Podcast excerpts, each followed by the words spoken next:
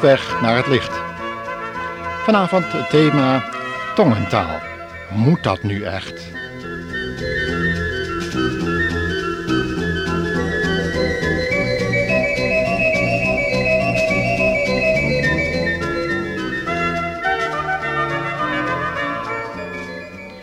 Welkom luisteraar in het familieprogramma van de Stichting Abdullam.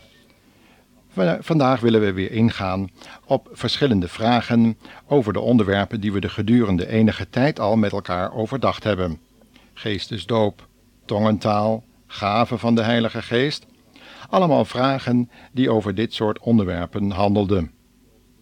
Ja, en voor al die vragen geldt het woord wie zoekt, die vindt. Eigenlijk vormen de hierna volgende programma's meer een soort afsluiting van deze onderwerpen. Een samenvatting.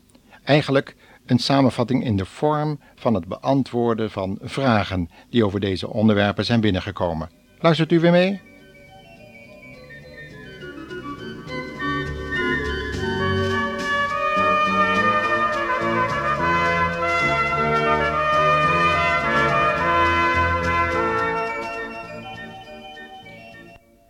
Veel christenen uit onderscheiden geloofsgroeperingen vinden dat eigenlijk elke christen in talen of tongen zou moeten spreken.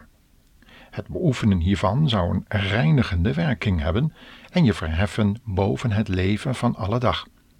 Ook zou het een soort geheim wapen zijn tegen demonische invloeden, zodat je bij elk contact met mensen die je verdenkt van gebondenheid gelijk over kan gaan in tongentaal zodat je beschermd bent tegen hun invloed.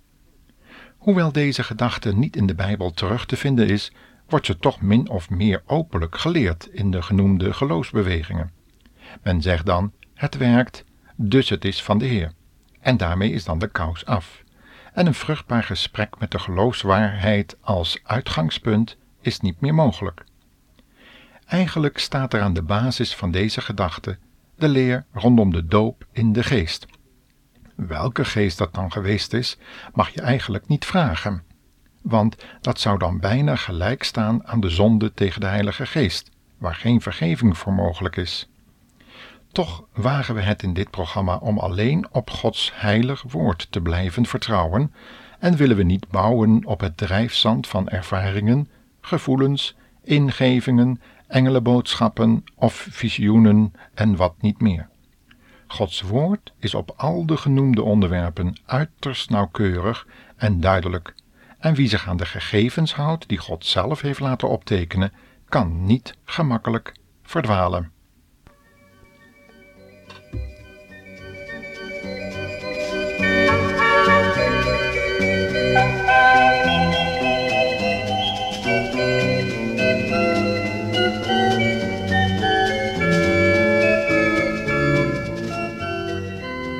Nu wordt er vaak beweerd dat Paulus toch zelf in 1 Korinthe 14 vers 5 gezegd heeft dat hij wel wilde dat allen in talen spraken.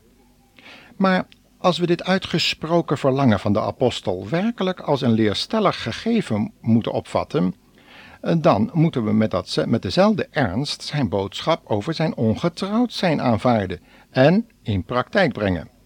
Hij zegt immers in 1 Korinthe 7 vers 7 het volgende: ik zou het fijn vinden als iedereen was zoals ik en niet trouwde.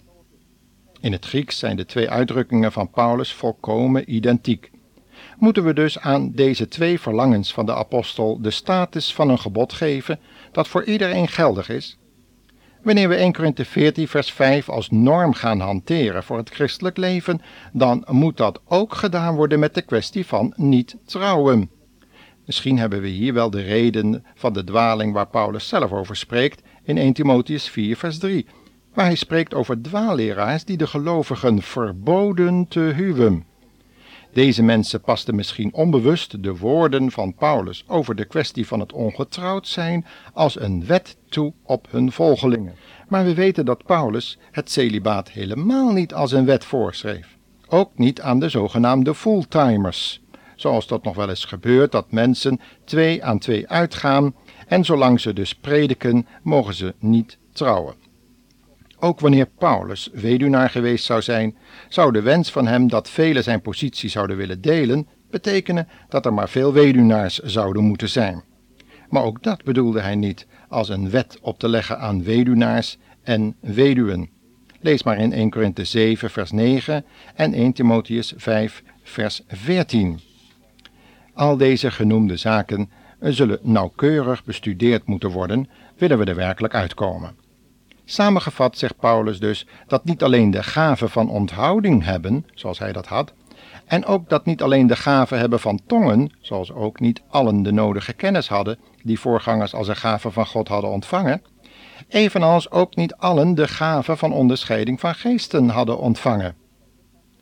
En zo kunnen we doorgaan. Want al die zogenaamde versierende gaven zijn gegeven aan de hele gemeente. Maar de geest deelt ze uit aan wie hij wil en bepaalt ook voor hoe lang.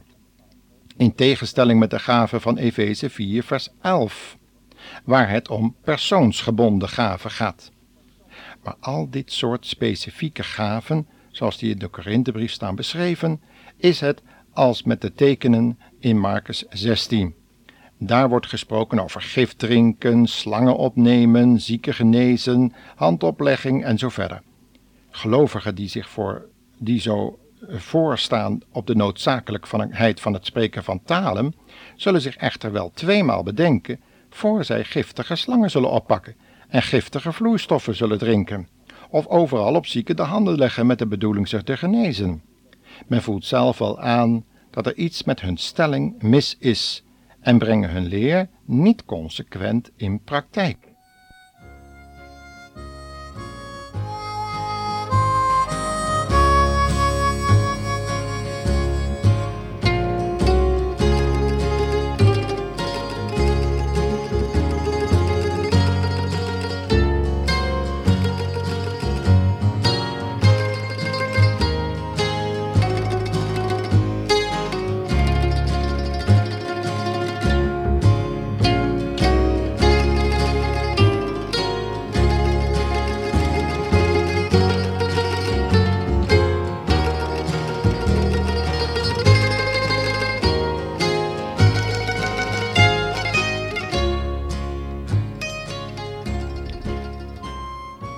Voorganger die zelf in talen had gesproken, maar het verkeerde hiervan had leren inzien, vroeg aan een collega-voorganger of Paulus soms gezegd had dat alle gelovigen apostelen waren.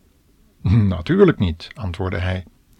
En ook op de vraag of allen profeten of leraars waren, antwoordde hij ontkennend, totdat hij begreep waar zijn ontkenningen heen leidden, namelijk naar de vraag of allen in talen spraken. Zelf was deze man overtuigd dat alle gelovigen in talen zouden moeten spreken. En dat ze beslist iets misten, ja, zelfs zich moesten afvragen of ze de geest wel ontvangen hadden als ze niet in tongen spraken.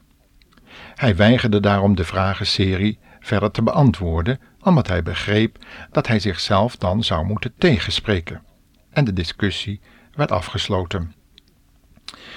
Nu dan de vraag waarom Paulus zei dat hij meer dan allen in talen sprak.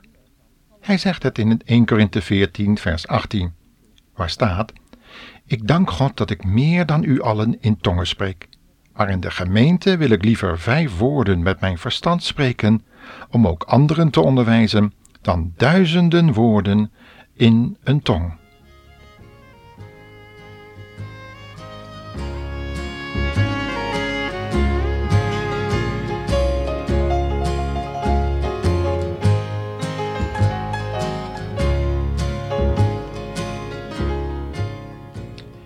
In sommige vertalingen is de zin toegevoegd als ik alleen ben. Waarom dat gedaan is, laat zich raden.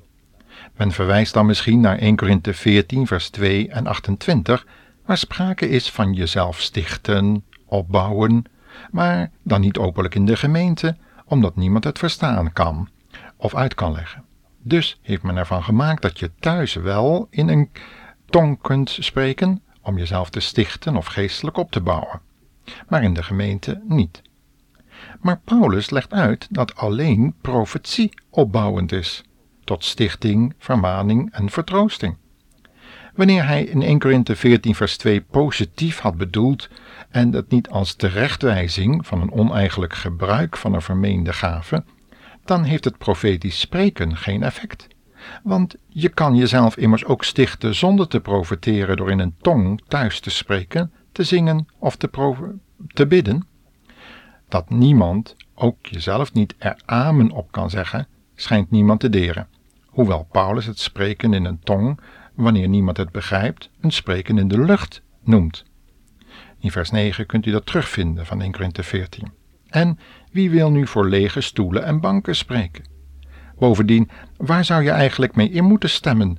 En hoe zou je Sisi, signor, moeten zeggen, zoals dat zo vaak op het tongengebed gezegd wordt, als je niet eens begrijpt wat er gezegd is? Een gewoonte? Dan is het wel een kwalijke gewoonte en een ijdel gebruik van de heilige naam des Heren. Maar wat is dan de reden dat Paulus zei dat hij meer in talen sprak dan de anderen? Het antwoord is erg simpel. Eenvoudig omdat hij door God tot een apostel van de volkeren was gemaakt. En welke talen spraken dan die volkeren? U begrijpt het al, vreemde talen die Paulus nooit geleerd had en die de apostelen op de Pinksterdag plotseling uitspraken. Deze roeping werd door sommige Joden bestreden, die Paulus dan ook wilde verhinderen tot de heidenen in die vreemde talen te spreken. Zij wilden niet dat hij de grote daden van God in hun eigen landstaal verkondigde. U kunt deze opmerkingen lezen in 1 Thessalonicensen 2 vers 16. Liever hadden ze dat deze heidenen zich tot het jodendom bekeerden, de proselietendoop ondergingen en de besnijdenis lieten uitvoeren. Maar Paulus verzette zich hevig tegen dit nieuwe judaïsme, wat als een zuurdeeg de christelijke gemeente dreigde binnen te dringen. En niet alleen onbekeerde Joden, maar ook bekeerde Joden hadden moeite met dit feit van het spreken van God in vreemde talen. Je zou kunnen zeggen dat zelfs Petrus en de andere apostelen in dit opzicht ongelovig genoemd kunnen worden, en dus het teken van de talen nodig hadden om te geloven dat God de bekeerde heidenen er echt bij wilde hebben, in overeenstemming met de profetie uit Jesaja. Naast het onderwijs dat Paulus dus aan zowel Joden als heidenen gaf, liet hij door het teken van de talen aan de Joden zien dat God inderdaad de gelovigen uit de heidenen had aanvaard, zoals Petrus dat moest opmerken toen Cornelius, de Romein, tot geloof kwam en de Heilige Geest ontving in Handelingen 11. Zo gaf God zowel Petrus als het Joodse gehoor van Paulus het teken dat er een geheel nieuwe bedeling was aangebroken, die van de gemeente van de levende God, bestaande uit Joden, Samaritanen en van de afgoden bekeerde heidenen. Het teken van de talen was dan ook voor ongelovigen, misschien met name zelfs ongelovige Joden. Maar zij moesten erkennen dat door dat teken van de talen zichtbaar werd dat ze inderdaad bij het lichaam van Christus, de gemeente, behoorden en waren opgenomen.